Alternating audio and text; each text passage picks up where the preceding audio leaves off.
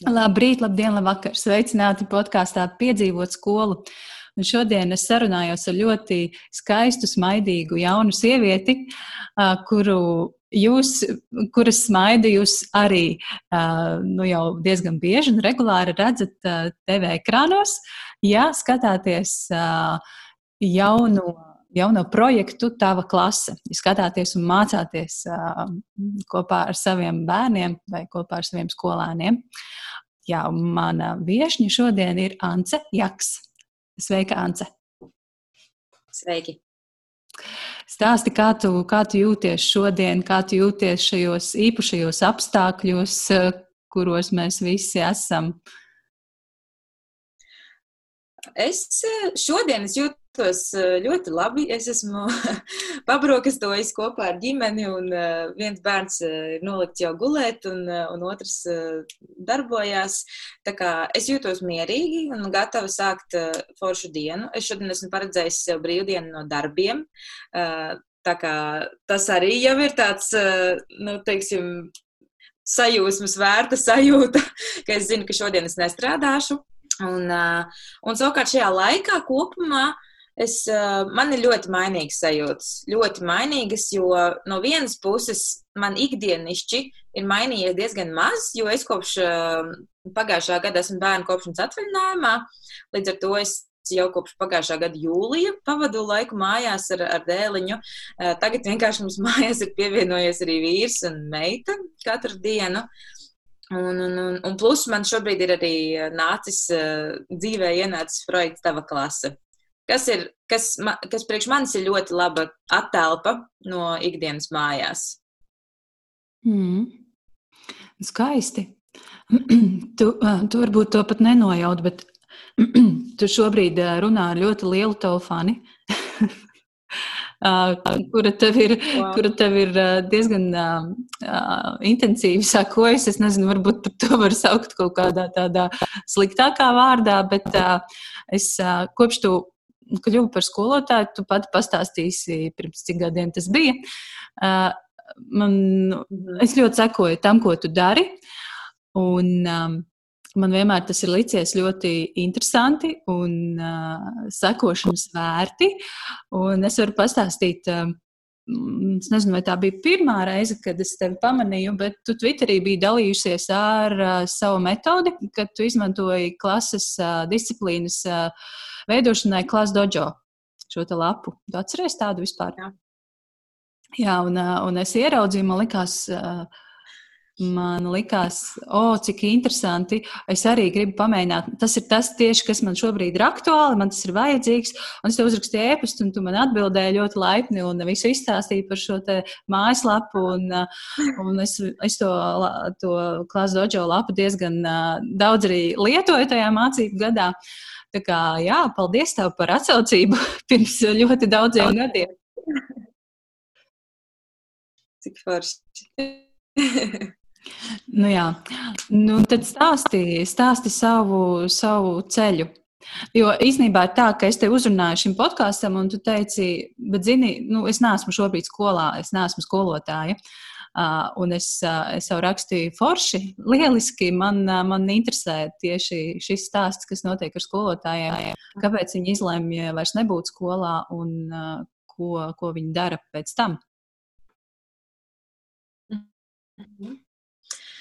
Nu, mans stāsts ar, ar, ar vispār man, mans profesionālās gaitas, es teiktu, ka sākās um, augstskolas laikā, kad Es nestudēju par skolotāju, bet es studēju žurnālistiku Rīgas Tradiņu universitātē.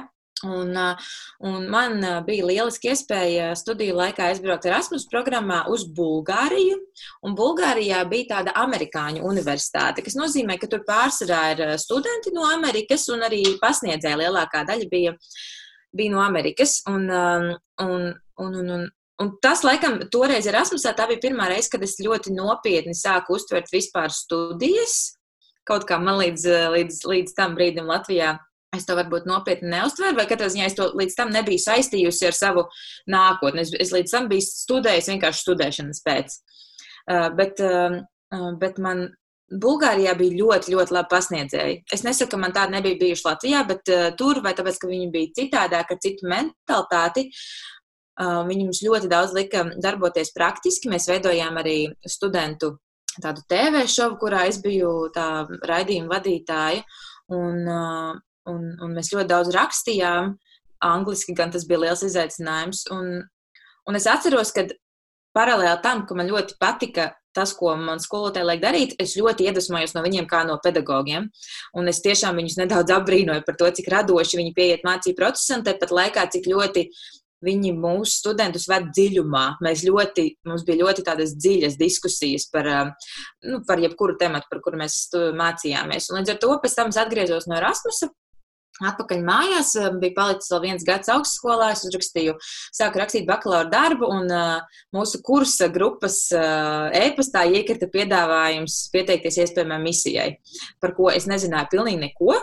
Bet uh, es tajā brīdī biju sākusi nojaust, ka es iespējams negribu uh, strādāt tīri žurnālistikā, uh, pēc tā, ka es biju izgājis prakses vairākas vietas. Un, un, un, uh, un tad es atcerējos, cik ļoti man bija iedvesmojuši tie pasniedzēju Bulgārijā, un es pieteicos iespējamā misijā, izturēju visas atlases kārtas, un, un tad, un, un attiecīgi, kā jau varbūt tu vai klausītājs zini, tad tā vasara, tā bija 2013. gada vasara, pagāja ļoti intensīvās mācībās. Iespējamā misijā mēs dzīvojām, mēs visu kaut kur dzīvojām, braukājām, jo mēs mācījāmies pilnībā no rīta līdz vēlam vakaram. Visu vasaru, ja tā var teikt. Pa vidam es aprecējos tajā vasarā. Man bija divas dienas jāizmūk no misijas mācībām, lai aprecētos, un tad jābrauc atpakaļ. Nu jā, un viss, un tā es 2013. gadā, septembrī, sāku strādāt Ozolnieku vidusskolā. Mm, man bija audzināšanā iedota piektā klase. Un es strādāju arī par latviešu valodas literatūras skolotāju 5. un 6. klasē. Mm. Jā, un tad es divus gadus, divu ar pusgadus tur nostrādāju. Es nu, tā, šo divu gadu laikā es arī um, absolvēju iespējamo misiju. Un tad es uh, devos bērnu kopšanas atvaļinājumā ar savu pirmo bērniņu, ar kuru es ilgi nevarēju nosēdēt uh, mājās uh, visādi iemeslu dēļ. Un sanāk, 15. laikam, 16, jā, 2016. gada septembrī savukārt es uz nelielu slodzi sāku strādāt Jelgavas valsts ģimnāzijā par latviešu valodas skolotāju desmitai klasē. Un tur savukārt es nostrādāju tikai vienu gadu, jo es sapratu, ka mm, man ar vidusskolāniem strādāt ir daudz grūtāk. Man bija ļoti paticis strādāt ar pamatskolāniem, ar 5, 8, 7, 8 klasi. Un tagad es labi zinu, ka viņi ir mans, nu, teiksim, jājam zirdziņš, ja tā var izteikties. Man ļoti patika ar, tiem, ar to vecumu strādāt. Ar vidusskolēniem man bija, man bija grūtāk. Droši vien, ja es ar citādāk vēlreiz mēģinātu, varbūt aiziet arī tas. Bet, bet ļoti labi, ka es to pamēģināju. Man šķiet ļoti svarīgi dzīvē pamēģināt mums visiem dažādas lietas, mm. Jo, manuprāt, saprotot to, kas mums nesanāk, mēs varam labāk nodefinēt to, kas mums labi sanāk. Mm. Nu, ja? Un tad es strādāju vienu gadu valsts gimnājā, Jelgavā, un paralēli es arī pieslēdzos pie skolas 2030. Man piedāvāja sākt, nu, teiksim, piedalīties tās grupas darbā, kas veido latviešu valodas standartu. Un tur bija brīnišķīgi kolēģi. Man bija, man tiešā vadītāja bija Sanita Lazdiņa no Reizeknas augstskolas. Fantastiska sieviete un man vadītāja arī darbā. Un, un līdz ar to skolu 2030 projektā es nostrādāju trīs gadus. Es šogad pārtraucu tur darba gaitas, nu arī tāpēc, ka es esmu bērnu kopšanas atvaļinājumā. Bet, nu, tad noslēdzot to stāstu, vēl pats pēdējais posms, tagad, kas ir arī aktuālais darbs, kurā es visdrīzāk arī atgriezīšos pēc bērnu kopšanas atvaļinājuma, ir, es pēdējos divus gadus strādāju Ozolnieku novada pašvaldības izglītības nodaļā. Mm. Sākumā sāku strādāt tur kā izglītības nodaļas vadītājas vietniece, un tad kļuvu par vadītāju.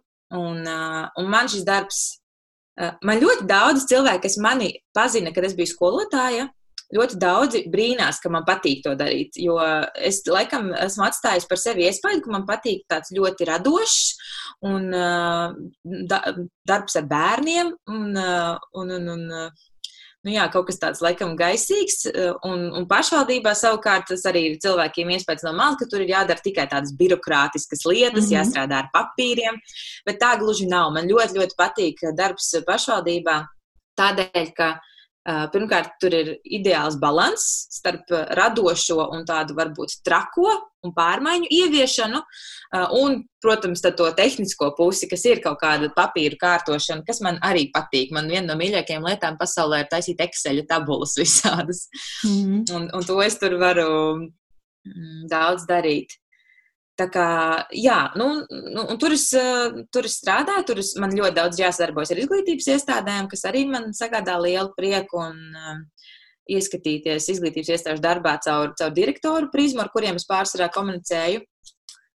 Nu, tā kaut kā, es nezinu, es, es, ja tu zini par mani kaut ko, ko es nepateicu, tad tu vari mani papildināt, bet man šķiet, ka es izstāstīju svarīgāko. Jā, bet pastāstīja šis te, m, ceļš prom no klases darba. Tas bija vairāk tā kā dabiskas karjeras, dabiska karjeras plūsma, vai arī tas bija vairāk kaut kādu iekšēju, iekšēju stāvokļu dēļ, emo, emociju dēļ, esot klasē skolā. Pastāstiet vairāk par šo pusi.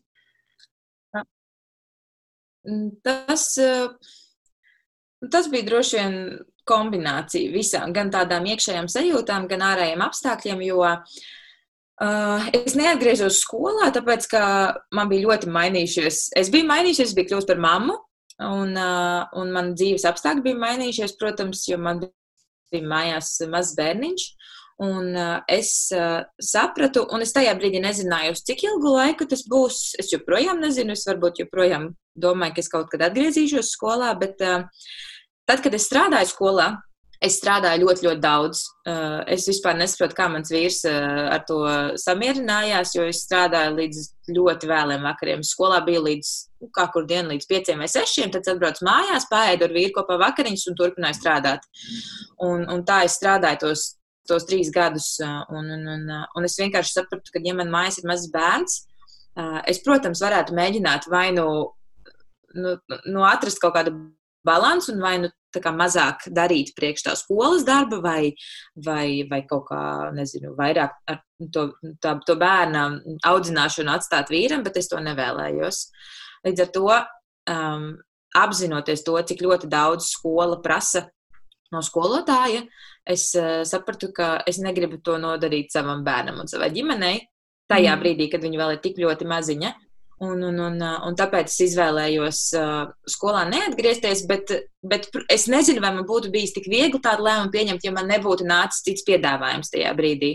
Mm. Un tā kā tajā brīdī man piedāvāja piedalīties skola 2030 projektā un pēc tam arī mm, strādāt izglītības nodaļā, tad, tad, protams, man bija vieglāk pieņemt tādu lēmumu. Jo mm. nedarīt neko es noteikti negribēju. Tas, nu, tas bija man skaidrs, ka es nevaru nosēdēt mājās.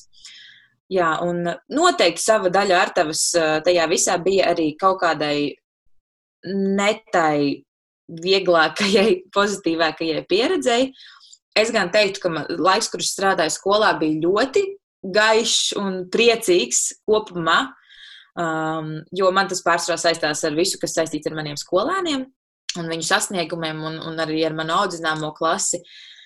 Un, un, uh, jā, bet, bet laikam Bet, laikam, bišķiņi kaut kur tajā, es, es, es zinu, ka tajā brīdī es varbūt kaut kur sevi iekšā nebiju piedevusi kaut kādas lietas, um, mm, nu, nu, tai sabiedrības daļai, kas bija varbūt bijuši pret mani nedaudz neiecietīgi, tad, kad es biju skolotāja. Mm, tu izmanto vārdu nedaudz, bet, uh, zin, kā es vakardien gatavojoties šai sarunai, es uh, Es kā vienmēr iegūlēju tā cilvēku vārdu, uzvārdu un paskatos, kas tur, kas tur izlaiž ārā. Un, bija, un tur, protams, bija šis te, uh, īstenībā ļoti iedvesmojošais e-klases raksts par tevi interviju, kur bija vienkārši vājprātīgi komentāri. Vienkārši tik naidpilni un ļauni. Un es domāju, Jā. kā tu spēji vispār savākties pēc kaut kā tāda, kur tev pasaka, tev nesanāks ko tu vispār iedomājies, nu, tā ka noliek pilnīgi līdz ar zemi? Um, tas ir. Nu, e-klases raksts raksts, e-klases intervija un komentāri pie tās noteikti ir viss vistrakākais, ko man ir nācies piedzīvot. Bet, teiksim tā, es nenožēloju līdz šai dienai, ka, es, ka tā intervija bija un, un vispār, ka tie komentāri tur beig, beigās bija un ka es tos esmu izlasījusi visus vairākas reizes. Es man šeit pēdējais to darīju vēl pirms kādiem pāris mēnešiem. Es nezinu, kāpēc es tā daru, bet es aizēju palasīt. Joprojām dažreiz tos komentārus kaut kāds mazohisms manī iekšā slēpts laikam. Bet uh, man te, mm, tas bija, protams, nu, nenoliekš, tas bija ļoti smagi un ļoti grūti, jo, protams, tajā brīdī, kad man e-klases piedāvā mani intervēt un es no visas sirds un dvēseles stāstu savu pieredzi skolā un visu, ko es cenšos darīt labi, tāpat laikā neko neizskaistinot un neizliekoties gudrāk nekā es esmu, jo, manuprāt, tajā intervijā diezgan nu, atklāti stāstīju, nu, teiksim tā, kas, manuprāt, man sanāk un kas vēl nesanāk. Mm -hmm. Tad um, pēc tam tie komentāri, viens bija to komentāru saturs, kas mani sāpināja, un mani tiešām, uh, jo tur bija dažādi veidi tie komentāri, tur bija tādi, kas bija ļoti personīgi uz mani vērsti par manām bildēm, kas bija pievienoti klāt intervijai. Uh, tos, godīgi sakot, tie nebija vissāpīgākie. Nu, tajā brīdī, teiksim, par to, kas es esmu, man šaubu nav. Nu, un, un tur nevar kāds komentārs no malas to, nu, teiksim, satricināt.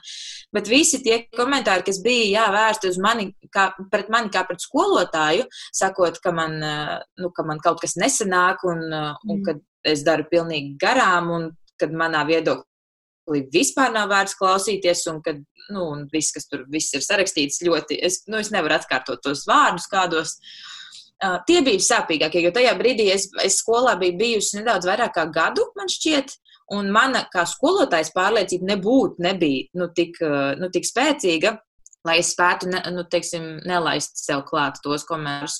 Bet kas man palīdzēja, viens, protams, nu, ģimene un vīrs un, un draugi, ar kuriem daudz runājot, nu, vienkārši tās lietas ir jānorunā, tā sāpe ir jāizraud un jānorunā. Bet otrs, mums iespējamā misijā bija ļoti liels atbalsts, jo mums to divu gadu garumā, kad mēs esam misijā, mums ir katram savs kurators un mentors, respektīvi arī profesionāļi pedagoģijā, kuri no ar kuriem mēs eh, varam runāt par, nu, par protams, pamatā par, eh, par stundu vadīšanu un par savu kā pedagoģu darbu kvalitāti, bet, bet arī par šādām lietām.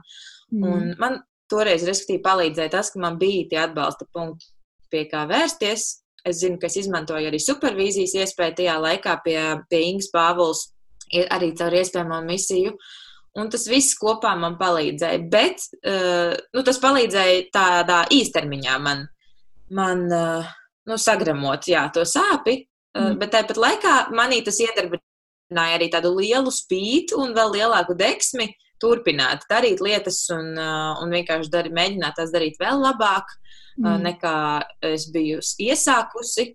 Un, un, un, nu tā, jā. un, tas, kas, un es zinu, ka tas, kas man bija pats sāpīgākais, bija, ka e-klasē tie komentāri bija anonīmi, un mm. es rakstīju pat e-klases portālam, vienkārši priekšlikumu es rakstīju, vai jūs neapsvērtu domu, nu, e-klasē, kas, kur pārsvarā dzīvo pedagoģi un skolēni, nu, likt tomēr šos komentārus rakstīt zem sava vārda.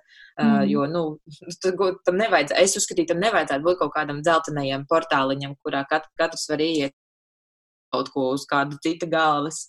Mm. Bet jā, to laiku, to laiku e-klasa neatsaucās. Nu, kaut kādā ziņā varbūt var arī sap, saprast, ne jau tagad manis vienas, manas salauztās sirds dēļ viņi to darīs, bet tas bija vēl viens tāds nepatīkams moments. Jā, mm. jā nu, manuprāt, tā, tas ir tāds ļoti spilgts piemērs tam, cik ļoti. Mm, es pat nezinu, kā lai izstāstītu šo, kā lai izstāst šo savu domu, bet man liekas, ka sabiedrība kopumā līdz galam nesaprot to skolotāju darba skolotāju darbu. ka mēs esam burtiski kā uz skatuves visu laiku, un ka mēs arī esam cilvēki, ka jā, mums kaut kas nesanāk, bet, bet mēs pārdzīvojam savus kļūdas, mēs zinām savus kļūdas, mums nevajag tās tā teikt. Nu, atgādināt vai, vai, vai bāzt acīs. Un, un tas, kā tur komentāros piesējās tam, kā, kā tu izsakies, kā tu runā. Un es pati esmu latviešu valodas skolotāja bijusi. Un tā man, ir, tā, tā man bija ļoti liela baile pateikt kaut ko nepareizi. Tad, kad es runāju ar saviem kolēģiem, latviešu valodas mhm. skolotājiem, man bija nenormāls stress pateikt kaut ko nepareizi, jo es taču esmu latviešu valodas skolotāja. Un, un patiesībā arī tagad, runājot, ierunājot podkāstus, es zinu, ka mana valoda netuvu nav ideāla un perfekta. Un man joprojām ir šīs bailes, bet, nu, Es nezinu, nu, tas, kurš ir perfekts, lai, lai mētā akmeni pirmā, pirmais. Jā, es eh, par to valodu, man, protams, esmu izgājis tādām ugunskristībām cauri, jo uh, tā bija pirmā lieta, ko es lūdzu gan savam mentoram, gan kuratoram, kad es sāku strādāt skolā, lai viņi nāk vērot man stundas un tiešām ļoti klausās, ko es saku. Vai man nav liekvārdības, vai man nav kaut kādu vārdu, kas ļoti daudz atkārtojas, un es esmu izgājis visādiem posmiem cauri. Visilgākais bija respektīvi posms, kad es visu laiku stundās teicu vārdu respektīvi. Un, uh, kaut kā es izlaboju pirmā gada laikā arī to, bet, uh, bet jā, un ar tiem kolēģiem runājot, uh, jā, es piekrītu, vienmēr, ir, vienmēr bija tā sajūta, ka ļoti jāpiedomā, tīpaši tāpēc, ka esmu jauns, jauns cilvēks skolā, un, un, un jau tā uz mani ir kaut kāda eh, tā, nezinu, starmešu gaisma uzspīdināta skolā kā jauniņajam. Bet, eh, bet teiksim, ne tikai tas, kā es runāju, ir bijis mans iemesls būt ļoti piesardzīgai pret maniem kolēģiem skolā, jo eh, atsaucoties uz to pašu interviju, es ļoti labi zinu, ka daudzus tos komentārus bija rakstījuši arī mani kolēģi. Gan tiešie kolēģi skolā, gan arī kaut kādi attālāki. Um, jo nu, tur nu, var izlasīt ar rindām lietas, kuras var zināt tikai kāds, kurš uh, mani redz ikdienā, kurš man satiek, vai, vai zina kaut ko par maniem skolēniem, vairāk nekā nu, jebkurš uh, lasītājs no malas. Mm. Un, um, jā, bet, bet savukārt tas atkal ir vēl viens pierādījums tam, ka skolotāji ir tādi paši cilvēki kā nu, restīvi pārstāv to pašu sabiedrību, kuru visi pārējie skolotāji ir daļa no tās, un arī starp skolotājiem ir gan fantastiski, brīnišķīgi, iedvesmojoši, gudri, viedi un visādi citādi brīnišķīgi cilvēki. Un arī starp skolotājiem ir tādi, kuriem, kuriem gribās ieknāpt citam un, un gribās, nu, varbūt savu, nezinu, sāpi uh, mm. dalīt ar kādu, kurš to neprasa. Nu, es nezinu, kā citādāk pieklājīgi, lai to pasaktu. Nē, nu, bet tas, tas, kas manuprāt ir vissāpīgākais, jā, ka, ka tā kritika nāk tieši no kolēģiem. Tu centies, tu dari. Nu, es, es, es domāju, ka tu visticamāk dalies ar saviem kolēģiem idejās, varbūt materiālos, un, un pēc tam tevi vai nu atklāti, vai aiz muguras, aiz muguras droši vien vēl trakāk nokritizē. Tas ir dubultā sāpīgi. Jā, bet, bet ja mēs vēl par šo tēmu runājam, man ļoti svarīgi droši vien būtu pateikt, ka nu, es, es saprotu, ar kādām savām darbībām vai vārdiem es būtu varējusi izraisīt nu, kaut kādu pastiprinātu uzmanību, kas pēc tam ir transformējusies nu, tādās negācijās pret mani, jo es ienākot skolā, es biju tāda ļoti. Es pat nezinu, cik tas bija apzināti, bet nu, pamanām. Es, es gāju daudz kur ar to savu viedokli, kurš bija tajā brīdī, viņš bija balstīts zināšanās, jo mēs tiešām bijām iespējamā misijā kārtīgi apmācīti, um, un tas viedoklis bija balstīts teorijā, bet man nebija nekādas pieredzes. Tas, un, un, un, protams, es pilnībā ticu un saprotu, ka, ka skolotāji, gan, gan gados vecāki, gan, gan vienkārši pieredzes bagātāki, uh, nu, viņiem tas likās smieklīgi. Tas viss daudz no tā, ko es saku, jo viņi jau, protams, zina, kā dzīvē strādā tās lietas. Uh, Bet es tik ļoti būtu gribējis kaut būt vairāk no tiem kolēģiem tādi, kas, kas tad atnāk un mani kaut vai uztver kā savu skolēnu. Kā mm. savu jaunāko kolēģi, kuram, kuram izstāsta, kuru pamāca, pie manis atnāk individuāli. Un, un tiešām um, tādu bija ļoti, ļoti maz. Uz, uz vienas rokas pirkstiem saskaitām. Un viņiem es būšu mūžam pateicīga tiem cilvēkiem, kas ir varējuši man uh, atnākt un, un tiešā tekstā skarbāk vai mazāk skarbi, bet, bet pateikt, eh, nu, ko es daru greizi, jo man tas ir ļoti, ļoti noderējis. Ļoti. Mm. Jā, Jā nu, un, un savā ziņā tas uh, lokus šobrīd ir gandrīz nu, noslēdzies. nu, tāda gradzena kompozīcija tavā dzīvē. Tu esi ši, šajā projektā tava klase, kur tu atkal esi ļoti pamanāma un redzama. Un tev atkal ir jārunā par kritiku. Uh, tu pavisam nesen biji ierakstījis Facebookā šo mazo ierakstu uh, par, par kritiku kas, kas atkal ir ļoti īpaša kritika, īpašā vidē. Tas notiek pamatā starp pedagogiem. Un, bet, bet nekāda konkrēta tāda ieteikuma, kā kaut ko darīt labāk, nu nav. Ir vienkārši nepatika pret kaut ko. Un, jā, vai, vai šobrīd, kā ir šobrīd, tu esi jau uzaudzējis biezāku ādu un, un vari kaut kā labāk reaģēt uz to visu? Jā, es noteikti esmu. Esmu ļoti norūdījusies. Es arī tos iepriekšējos divus gadus strādājot pašvaldībā, arī tur man, protams, nācās par sevi daudz ko dzirdēt, un es tiešām jūtos norūdījusies. Man, es zinu, ka ir kaut kas, ne, pavisam maza daļa no tā, no tā visa, ko es izlasu vai dzirdu, kas kaut kur man nosēžas, bet tā ir tiešām ļoti maza daļa, un es zinu, ka labākais ir tas, ka es māku to nu, mājās vairs nu, teiksim, nelaist ārā to kaut kādu sāpju vai dusmas, kas manī ir. Um, es to pārstrādāju kaut kādā citādākā veidā sevī un, un arī tepat darbā, un arī rakstot Facebookā. Uh, mm. nu, lūk, un, un šoreiz, šoreiz ir citādāk. Uh, gan tāpēc, ka es esmu nedaudz cita, es esmu pieredzējušāka un es esmu pārliecinātāka par to, ko es daru. Uh, man droši vien būtu grūtāk satricināt, teiksim, nu, tā, no tādiem nepamatotiem komentāriem par kaut ko, ko es daru nepareizi, jo es zinu, kāpēc es daru to, ko es daru. Un tāpat laikā es ļoti labi zinu apstākļus, kādos šobrīd top projekts tava klase vienkārši nenormālos tempos mm. uh, un ļoti lielos tādos beznosacījuma apstākļos. Un, uh, un visi pedagoģi, kas tajā ir iesaistījušies, ir savā ziņā traki, labā ziņā traki, jo nekur pasaulē neviens nezina, kā ir pareizi vadīt 20 minūšu garas nodarbības televīzijā. Par to mm. nav teorijas, kā to darīt. Un, un mēs vienkārši darām. Nu, un, un mēģinām un skatāmies. Un, un tas ir iemesls, kāpēc es arī vispār lasu kaut kādus komentārus internetā.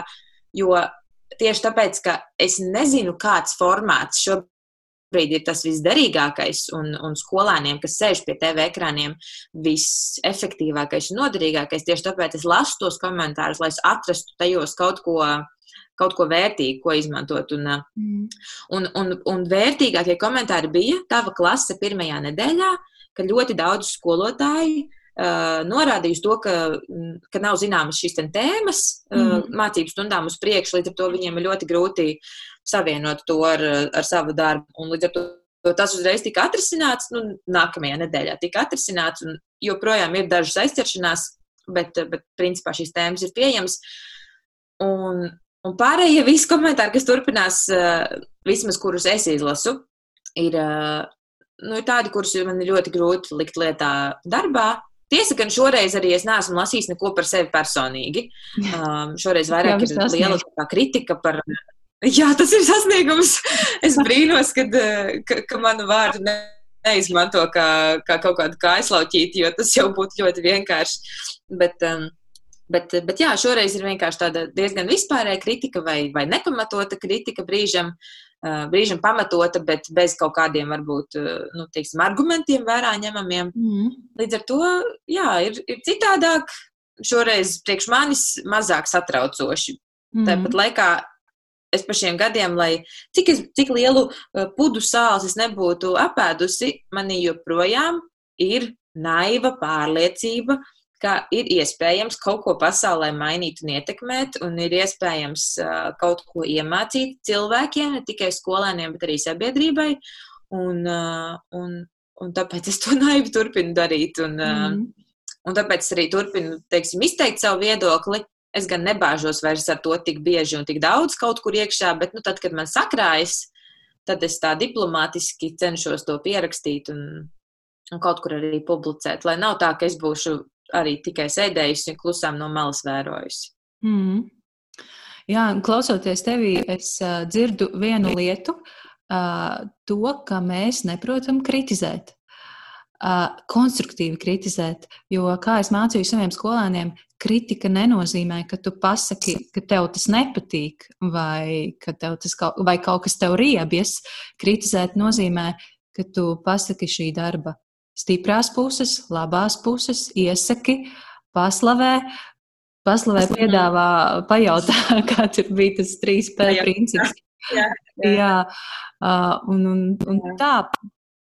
Kā tu ar saviem skolēniem šo, kā tu, kā tu mācīji saviem skolēm, skolēniem, vai tu mācīji šo kritisko domāšanu, kritizēšanu, runāšanu par citiem un citu darbiem? Jā,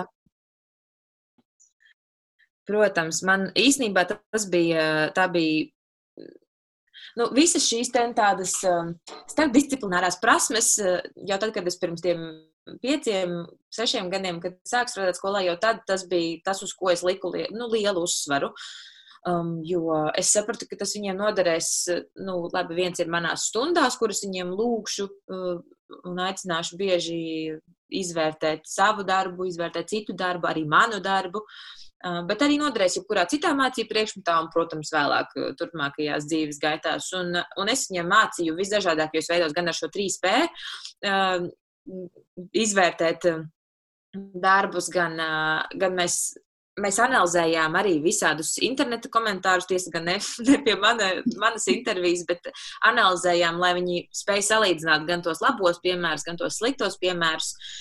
Jo nu, man, Es ļoti daudz skolā, tas, ko es ar skolēniem darīju, mm, bija tāds manas intuīcijas vadīts darbs, bet, nu, nu teiksim, pamatots. Negluži tā, ka eh, es vienkārši nosapņoju un, un, un, un sava tīrā prieka pēc viņiem kaut ko mācīju, bet, bet jūtot, uz kādiem grābekļiem mēs kāpjam kā sabiedrība, es centos šajos piekt sasklasniekos, nu, tā kā preventīvi novērst varbūt. Mm -hmm kaut kādus tos eh, paradumus eh, komentēšanas. Bet, katra, nu, manuprāt, tur ir viena vienīga atziņa, tas, ka mēs to neprotam eh, kritizēt un arī pieņemt kritiku.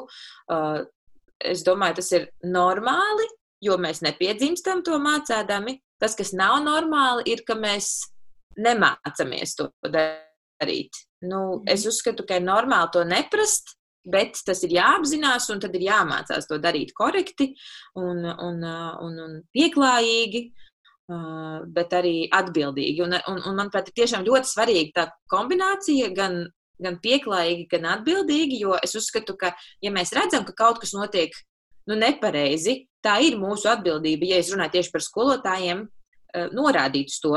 Mhm. Man pirms divām dienām zvanīja kāda skolotāja, nezinu, kur viņi dabūja man telefonu numuru. Viņi zvanīja sakarā ar tava klasi, uh, latviešu valodas stundām, ne manām, bet uh, citām, un norādīja uz, uz kļūdu, kas tur ir pieļauta. Un, tā, un tiešām viņi ļoti, ļoti pieklājīgi man izskaidroja, nu, jautāja. Viņi pat nedaudz šaubījās, varbūt viņi pati kaut ko nav sapratusi pareizi. Un tā bija fantastiska saruna. Nu, tā bija vienkārši brīnišķīga saruna. Un, un tā skolotāja mm -hmm. pēc, balss spriežot bija nedaudz gados, un es vienkārši mūžam būšu viņai pateicīga. Um, par šo telefonu zvanu. Jo mēs reiz varējām to kļūdu, nu, restīvi, mēs pateicoties viņai konstatējām, novērsām, izlabojām. Un, un, un, un es uzskatu, ka tā tam arī būtu jānotiek. Nu, mm. vien, vienkārši pieklājīgi norādīt uz kļūdām, uzdot jautājumu, precizēt. Nu, tiešām tā skolotāja viņa nestādījās priekšā. Es nezinu, kā viņa sauc, no kurienes viņa bija, bet uh, fantastiska atgriezniskā saite, ko mm. es saņēmu. Nu jā, cieņa, cieņa un pieklājība ir tā, tas, tā atslēga, manuprāt. Pastāsti vēl, kā tu šo mācīji saviem skolēniem. Jo es noklausījos ļoti, ļoti skaistu tavu runu, iespējamās misijas iedvesmas stāstos, kur tu stāstīji par, par cepšanos un vārīšanos. Ja tu pati atceries, un tur bija viena epizode par taviem skolēniem, kas mētājās ar āboliem, un, un tad kā viņi paši paši nu, to situāciju izrēģēja, ja to tā var saukt. Jā, Pastāsti par, par vispār pastāsti par saviem skolēniem, jo mēs esam daudz runājuši par, par kritiku un, un, yeah. un kolēģiem, bet tas skaistākais skolā taču ir darbs ar, ar, ar bērniem, ar skolēniem un, un tie sasniegumi, kas ir, kas ir tajā visā pasaulē.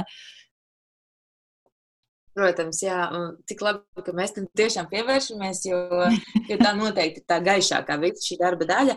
Mm. Man bija brīnišķīgi skolēni. Eh, protams, man, man teiksim, vistuvākie bija mana audzināmā klase, um, kuriem es biju klases audzinātāja divi ar pus gadus un uh, no piektās līdz septītajai klasē. Un, uh, un Un viņi bija, es atceros, ka es atnācu skolu, es tiku brīdināta, ka tā ir grūta klase, tur ir kadri, un, uh, un ka būs smagi, un es, protams, biju nenormāli nobijusies, un viņi man arī bija vairākas reizes saraudinājuši pirmo divu mēnešu laikā klases priekšā. Uh, es tagad atceros, tas liekas briesmīgi, bet, uh, bet nu, tā tas bija, tā tie bērni dara.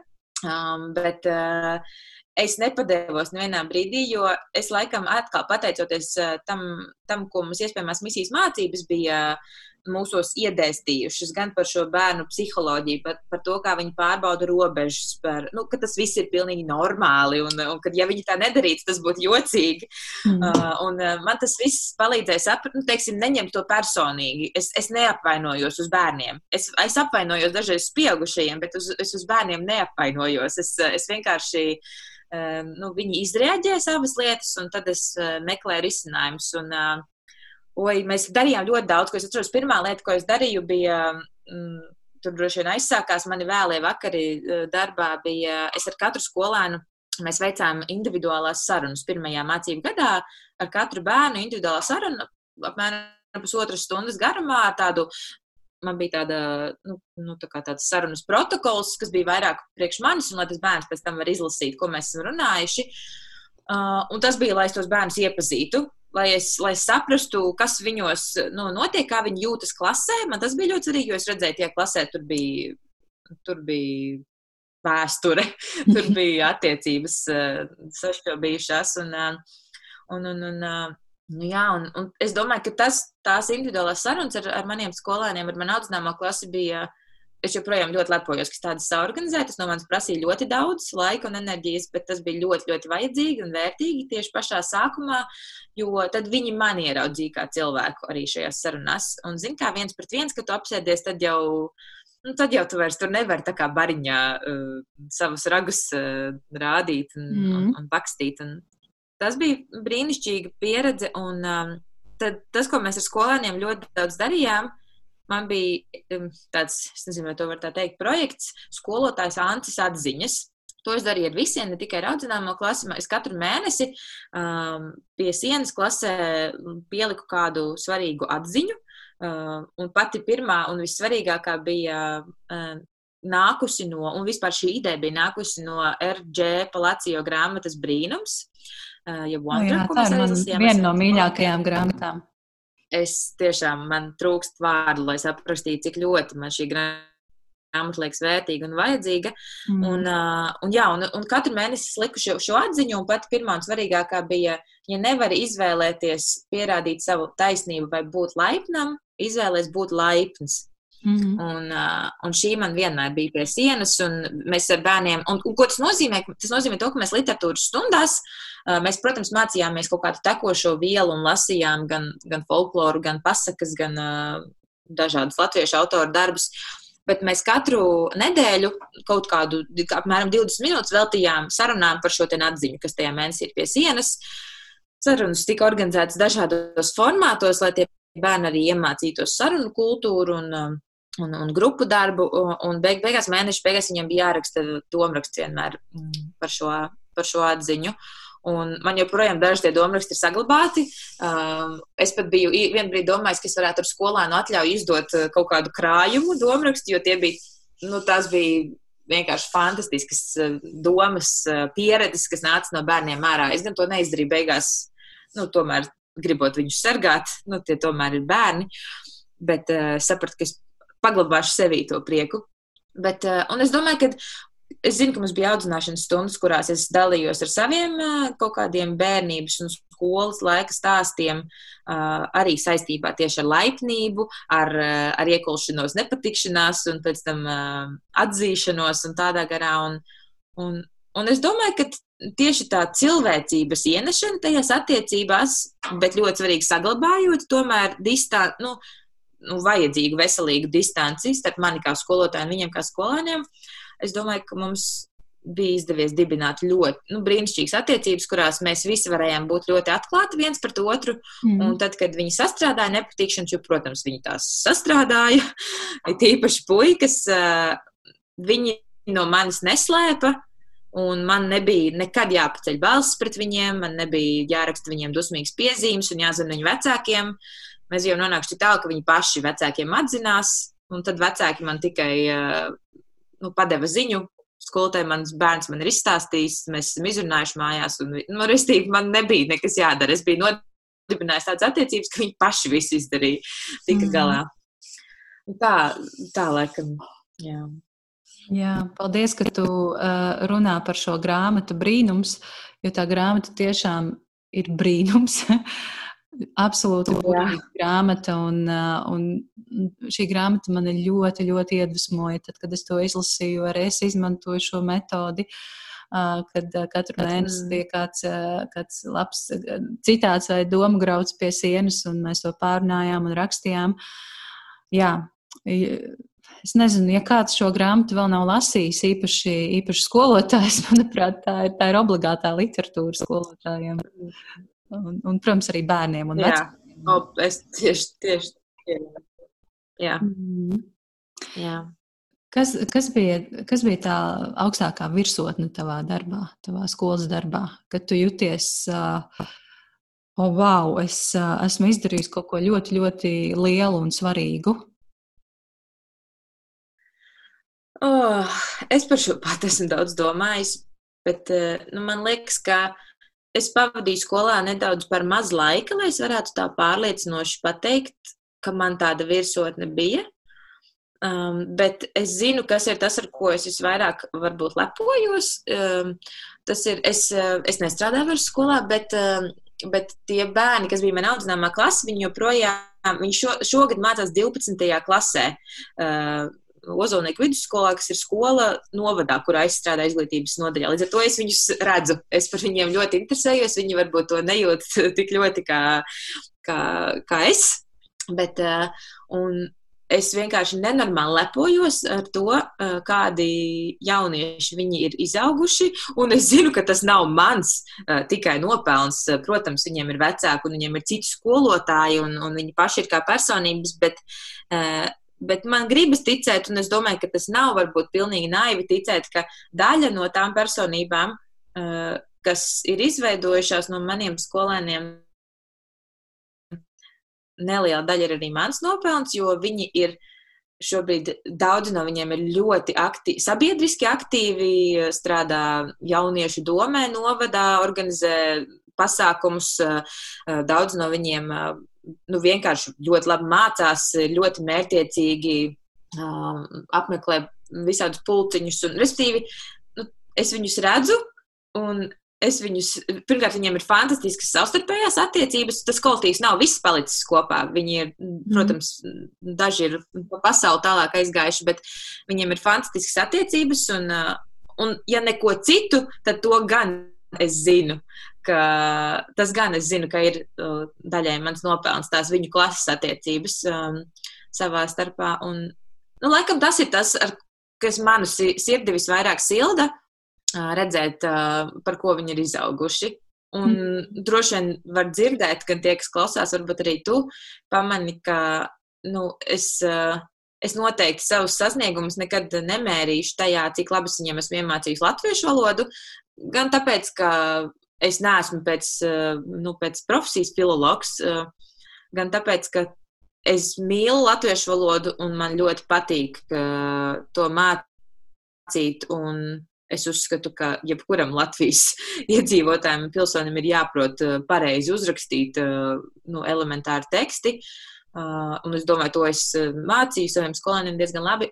Man tā, tā sadaļa man nebija vissvarīgākā. Man svarīgākā bija šī ten, nu, to nu, visādu pašvadības prasmju, sadarbības prasmju audzināšana un, un tās atbildības uzņemšanās, mācīšana. Nu, mm. Laikam, jā, tās bija tās svarīgākās lietas. Un, ja tās redzu, ka īstenojas un dzīvē notiek, tad par to man laikam ir vislielākais prieks. Mm. Jā, mani audzināmie skolēni arī šobrīd uh, mācās 12. klasē. Un, uh, es biju viņu mhm. skolotāja audzinātāja no 5. līdz 9. klasē. Mēs pabeidzām 9. klasi kopā, un tad, tad kā, kur nu kurais aizgājām. Bet jā, ir ļoti skaisti uz viņiem skatīties. Es uh, vēroju viņus ar lielu prieku un, uh, un domāju, forši, forši jaunieši izauguši. Un, Viss, viss ir kārtībā. Jā. Ja tajā, man liekas, tajā patsmitniekā kaut kādā vecumā liekas, ka tur brīžiem ir tādas šausmas, bet, bet viņi tiešām izaug un, un protams, ar skolotāju, ar skolotāju lielu palīdzību. Um, Jā, noteikti. Protams. Vai tu savā darbā, cik daudz tu savā darbā, skolas darbā domāji par izcilību? Cik tev bija svarīgi būt izcilai skolotājai? Cik vispār tev ir perfekcionisma iekšā? Jo tu stāstīji, ka tu strādāji līdz vēlam vakaram. Nu, tas noteikti bija ne tikai tāpēc, ka tu gribēji izdarīt kaut ko, bet tu gribēji izdarīt noteikti labi. Mm -hmm.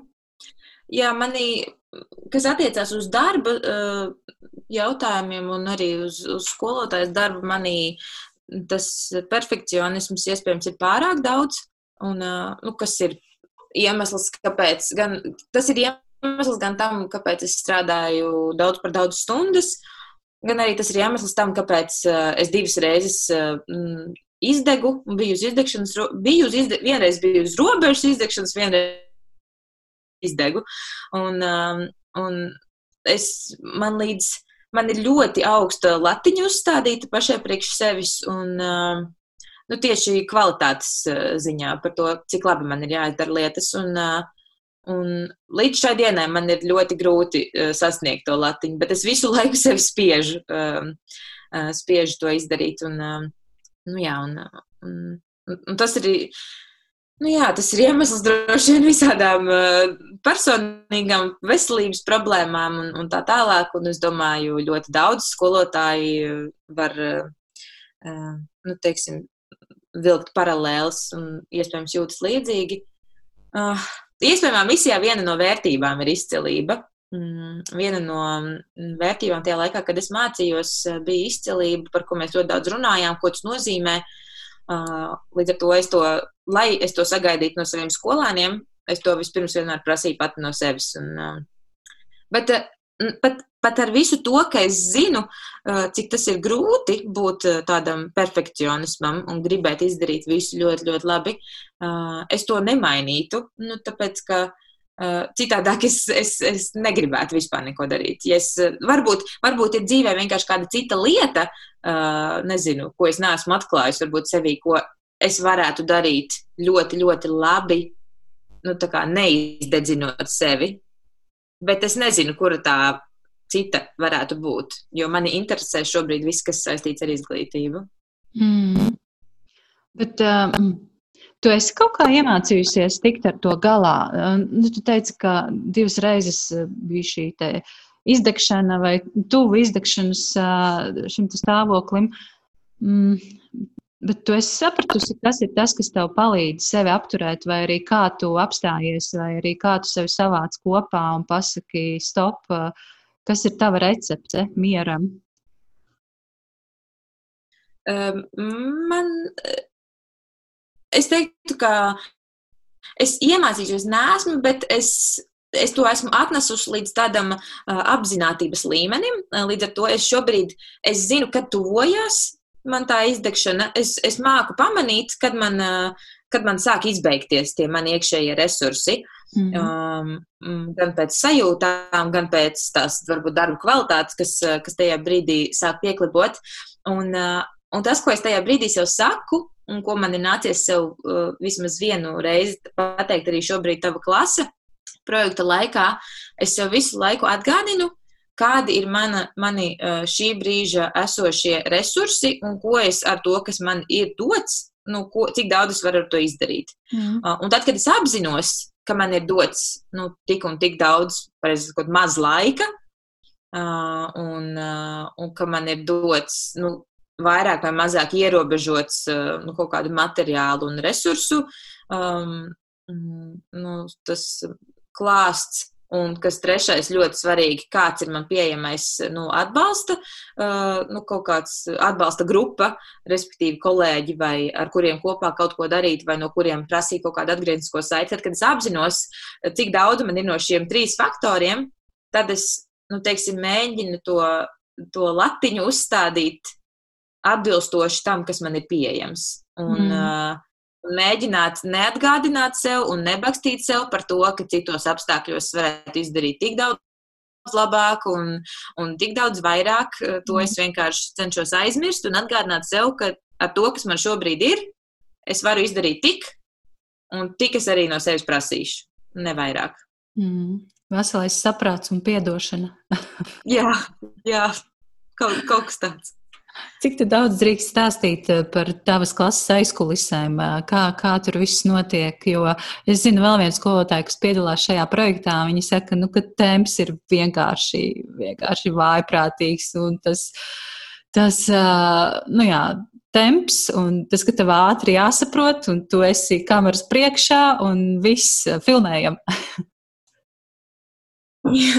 es, es nezinu, cik daudz es drīkstu stāstīt. Man neviens nav nekad teicis uh, nekādus ierobežojumus, ka par to vai to es nedrīkstētu kādam uh, kaut kur runāt, bet es domāju, ka uh, es par to arī varu runāt, tāpēc, ka es neesmu ne tik apvainojusies ne uz vienu par to, nu, kāds tas process šobrīd ir. Es ļoti tajā brīdī, kad man piedāvāja pieslēgties tavai klasē, kas bija divas nedēļas pirms 6. aprīļa, 6. aprīlī tika palaists uh, ēterā pirmās nodarbības.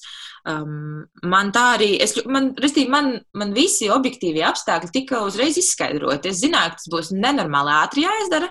Es zināju, ka tam nav nekādu iepriekšēju iestrādņu, mm. uh, ka būs visdrīzāk ļoti maz cilvēku, kas būs gatavi to darīt. Līdz ar to būs jādara daudz nu, katram tam retajam, kurš, kurš būs uzņēmies. Un, uh, Līdz ar to nu, tā ir. Mums, nu, es pieņemu, ka tas bū, ir svarīgi to arī pateikt tiem, kas varbūt neizprot. Mums ir, nu, te, es labi, es runāšu par sevi. Es esmu atbildīga par trešās klases latviešu valodu, kūrēju arī pārējās klases, bet, bet es personīgi par trešo klasu esmu atbildīga. Un uh, man nedēļā ir jānof, nu, teiksim, nedēļā tiek rādīts trešas, trīs mācību nodarbības. Un, uh, un man ir tātad, nu, nedēļa laika, sanāk, lai es šīs trīs mācību nodarbības izplānotu, kas liekas, wow, cik daudz.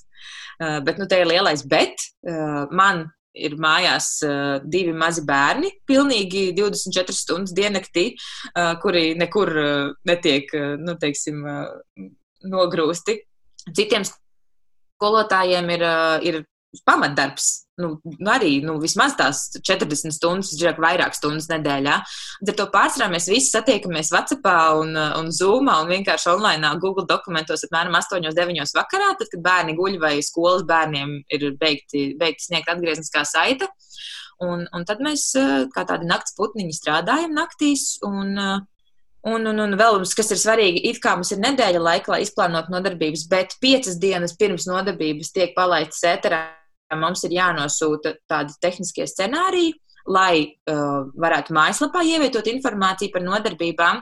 Uh, kas nozīmē, ka īstenībā mums ir tikai divas, trīs dienas laika, lai izplānotu uh, nodarbības trīs. Un, uh, un, tad, uh, un, un kas ir ļoti būtisks faktors, ko es zinu, ka sākumā ļoti daudz par to cepās, mums nav filmējoties, mums nav nekādu montēšanas iespēju. Mums ir jānofilmē viena nodarbība vienā reizē un vienā piegājienā ar pirmo reizi. Mm. Um, mēs tur, nu, labi, protams, ja mēs nu, smagi kļūdāmies, mums ir iespēja sākt no jauna, bet man tā bija viena reize līdz šim. Es esmu 11 nodarbības nofilmējis, es vienu nodarbību man nācās sākt no jauna. Līdz ar to, principā, tas, ko es tur vienā piegājienā pasaku un izdaru, tas arī ir tas, kas nonāk televīzijā. Un, uh, un, un, ta, un es ļoti daudziem cilvēkiem, ar ko es runāju klātienē par šo, es viņiem saku, ka šāds projekts, ja tas būtu normālos apstākļos, bez ārkārtējās situācijas, ja tādu projektu organizētu, tam gatavotos vismaz pusgadu. Vismaz pusgadu tiktu mm -hmm. lielās cilvēku grupās plānotas nodarbības, veidoti materiāli, mm uh, scenāriji rakstīti pa minūtēm, pa sekundēm droši vien un, uh, un izmēģināts vairāk kārt, un tad, tad filmēts un, un ar specifiktiem un tā tālāk. Mums nav vienkārši nekā no šā, šī visa. Mums ir uh, nu, tik, cik katram ir. Mm. Kas ir uh, galvenais ierobežojums, ir laiks. Protams, temps ir nenormāls, bet es saku, es par to, nu, nu teiksim, negaužos. Es zināju, ka tā būs, un es zinu, kāpēc tas tā ir jo šo projektu nebija jēga marinēt un palaist māja vidū. Nu, jā. Viņš bija jāpalaiž uzreiz, vai arī tad vispār nu, jāiztiek bez tā. Mm. tā. Nu, skaisti, rīktīgi dzīvā skola. Tur mm, vajadzētu Jā. droši varētu likt, ka tā ir tiešraide. Man liekas, kaut kādu brīdi ne, nelika jums to, to uzrakstīņu, ka tā ir tiešraide. Es nezinu, es lasīju Facebookā, ka kāds par to mm, bija uztepies, ka kaut kur tas bija. Es neesmu redzējis, ka tas ir bijis rakstīts, bet eh, nu, es zinu, ka nekur. Nu, varbūt ir kādam bijusi tiešraide. Es nezinu, tā ziņā, ne manā pieredzē. Tā nav tiešraide, bet es neesmu redzējis arī, ka kaut kur tā būtu bijis rakstīts. Mm. Nu jā, skaidrs. Nu, Ko es tev varu teikt? Es varu teikt, lai tev, lai tev izdodas uh, noturēt uh, dzīvu sparu un, un, un dzīves prieku šajā diezgan saspringtajā laikā, bet es, es domāju, ka tas ir arī diezgan interesanti. Uh, tev varbūt ir iespēja arī izrauties no ikdienas, no mājas dzīves, kas ir uh, sievietei, mammai ļoti svarīgi. Jā. Jā. Pastāsti, kas tev iedvesmo ikdienā? Grāmatas, filmas, mūzika, varbūt arī kāds podkāsts, ko tu klausies. Pastāsti. Uh, oh, šis ir tik brīnišķīgs jautājums, un uh, es gribētu, lai man to kāds jautā katru dienu, lai man būtu lielāks grūdienis meklēt tās lietas, kas man iedvesmo un atjauno man enerģiju. Uh, es, nu, man šobrīd ļoti vienkāršas lietas iedvesmo, ļoti vienkāršas lietas, jo nekam tādam ekstra man šobrīd vienkārši nav laika, jo bērni ir ļoti mazi, bet uh, man. Uh, Nu, no podkāstiem, podkāstus klausos, tad, kad es uh, bēbi iesēdinu ratos un mēs ejam pastaigās garās. Un man ļoti patīk klausīties Lauras Grēviņas podkāstu pa kluso. Mm. Jo viņa izvēlas, manuprāt, ļoti dažādas, bet ļoti interesantas personības, kas nav nu, nonivelētas, teiksim, kur, ar kurām sarunas nav dzirdētas jau ventās reizes, kas man mm. ļoti patīk. Es tavu podkāstu klausos, protams, ļoti, man šķiet, man vēl pāris epizodes palikušas, ko es neesmu dzirdējusi, bet arī ļoti interesanti un nu, klausīties īstos cilvēkos. Man patīk klausīties īstos cilvēkos, dzīvās pieredzēs, tādās neuzspēlētās, nesamākslotās. Tas varbūt kaut kādā ziņā šobrīd aizstāja to draugu trūkumu dzīvē, jo nu, nevar, nevar satikt vienkārši savus draugus. Un, nu, labi, Zoom sarunas ir, ir nu, viņas neaizstāja īsto dzīvi. Un, mm. Man ļoti, man ļoti, ļoti iedvesmo grāmatas. Mm, tās arī, protams, pēdējos trīs gadus lasu trīsreiz mazāk nekā agrāk un nekā četreiz mazāk nekā gribētos. Bet, bet nu, es pieķeros katrā mirklītī, kad es varu. Uh, Un, un tad es meklēju. Man, es šogad eh, biju sev nu, uzstādījis mērķi atrast vismaz vienu jaunu, nu, ja ne hobiju, bet kaut kādu nodarbošanos, ar kuru es uh, sevi palutinu, un arī kas liek man. Uh, Nu, dod kaut kādu iedvesmu, kaut ko jaunu darīt. Un tad es uh, esmu bijusi pāris glaznošanas nodarbībām, uh, un mājās man ir nopirkti glaznošanas piedarumi, kurus es uh, šobrīd tikai vienreiz esmu likusi lietā. Jā, un, un ko vēl? Nu, jā, un garās pastaigas. Man ļoti, ļoti patīk garas pastaigas un ilgas dušas. Nu, tās ir galvenās lietas, kuras es varu iespiest savā ikdienā, Māmi, un, uh, un par kurām esmu ļoti, ļoti pateicīga. Jā, tieši tā. Vai tu vari konkretizēt kaut ko, par, kaut ko vairāk pastāstīt par grāmatām? Varbūt ir kaut kādas grāmatas, ko tu ieteiktu izlasīt pedagogiem, skolotājiem? Bez, bez brīnuma. es, jā, nu, brīnums noteikti būtu pirmais. Es to jau vairākus gadus visiem kladzinu, ka brīnums ir jāizlasa visiem. Tāpat ir visiem jāizlasa. Es domāju, skolotāji to zina, bet uh, es pieņemu, ka varbūt vecāki vai skolēni dažreiz aizmirst mazo princi. Manuprāt, visiem ir jāizlasa. Bet man pašai patīk divu veidu grāmatas. Es pati uh, lasu, par ko mēs abas divas jau klusām uh, nosmīkņājām uh, Instagramā. Man patīk jauniešu romāni. dažādi. Man patīk, respektīvi, romantiku lasīt tādu vienkāršu, dažreiz ļoti parastu, bet romantiku uh, palasīt. Un, uh, un es mēģinu par to nekaunēties. Un man ļoti patīk lasīt uh, pat nevis biogrāfijas, bet Nu, piemēram, pēdējā, ko es lasu, ir Mišels Obamas šī grāmata Becoming. Es tiesa gan es arī lielāko daļu grāmatu lasu oriģinālu valodā, angliski, tāpēc es pat nezinu īsti nosaukums daudzām latviski, kādi, kādi tie būtu. Un, jā, man, man bija Mišels Obams grāmata, iepriekš izlasīju. Um, No, Dievs, nu, tagad izklausos, ka esmu Obama fans, bet uh, ja vien, pirms Mišels Obamas lasīju Barack Obamas, uh, man šķiet, padomnieka, es neatceros teikt viņu vārdu, sarakstītu grāmatu. Uh, bet, uh, nu jā, respektīvi tādas grāmatas, kas ir par spilgtu personību, tādām dzīves pieredzēm, kā viņi ir nonākuši līdz tam, līdz kam viņi ir nonākuši. Forši. Jā, es, es arī Mišelas Obamas grāmatu esmu izlasījusi. Mhm. Un, es, protams, kā pedagogs uzreiz man, man sajūsmināja viņas attieksmi pret izglītību. Tas ir tas, ko mēs bieži vien piemirstam. Cik ļoti, cik ļoti liels dārgums ir iespēja mācīties Jā, mm -hmm. es piekrītu. Nu, ko, Ance, es, es tev teikšu paldies par sarunu. Paldies, ka tu piekriti šai sarunai. Paldies, ka atradi laiku sestdienas rītā, jo mēs ierakstām sestdienas rītā. Un paldies par atsaucību un paldies par tavu atvērtību arī.